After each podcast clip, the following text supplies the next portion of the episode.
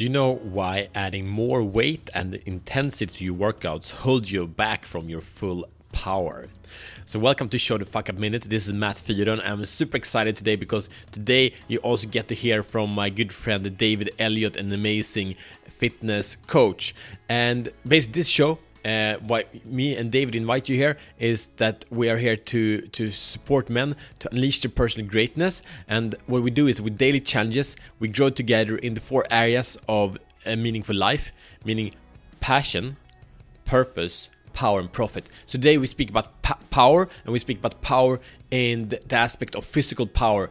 And David is a genius when it comes to this, and I'm really hoping you will enjoy and take a lot from this episode we have David Elliott, an amazing fitness coach on the line, and he's the first guest to show the fuck up minute ever to give us a challenge. So, hey, David, how are you doing? Hey, I'm great, man. How are you? Awesome. So, please tell me, who are you? Oh man, you know, throughout the course of the day, I'm a I'm a dad, I'm a husband, I'm a coach, um, and you know, I'm just just a guy trying to help people. Um, oh, awesome. You know, we, we yeah, we dig we dig down to some, um, you know, really really good deep levels individually just to see how we can help people because each journey is just a little bit different. Hmm. So can you tell me uh, what's the problem that you have that you have observed that many men has? Well, you know, we know, you know, and you and I have spoken before that that balance is very important, hmm. right? Um, just in any area of life, but especially in terms of fitness. But then when we look at balance and you know to establish balance, you have to be willing to be uncomfortable and you have to be willing to challenge your current way of thinking, right? Yep. So how do we do that? Well, um, one of the things that we've looked at for that is, you know, taking whatever routine that you're currently working on and expanding it, right? So there's a lot of different methods out there. You know, you have people that lift weights, you have people that CrossFit, that run, that yoga, that Pilates, that dance, that, you know, and a lot of times they do just one.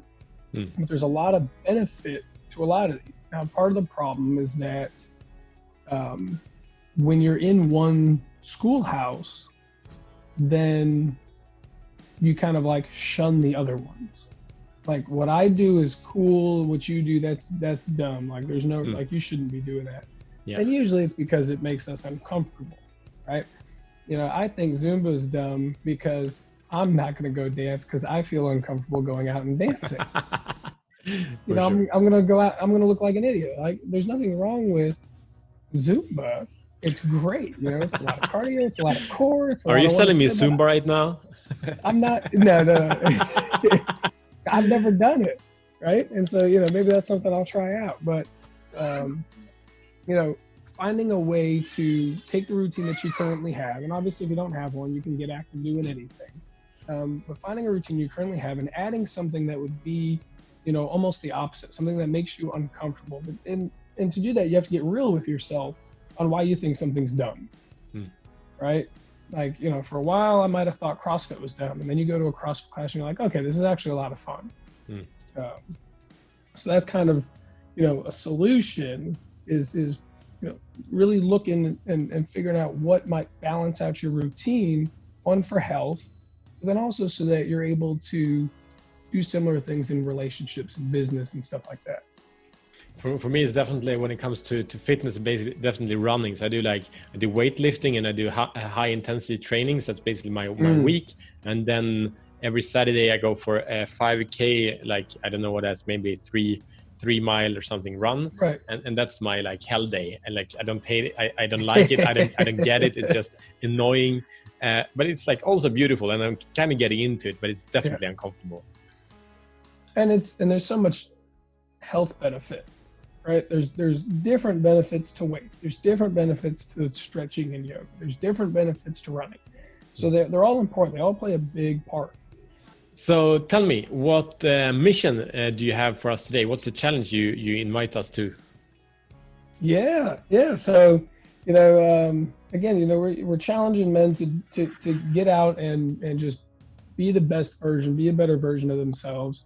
So you know, take a minute, think about whatever exercise type you think is just dumb, right? Without doing something too complex that you're going to injure yourself.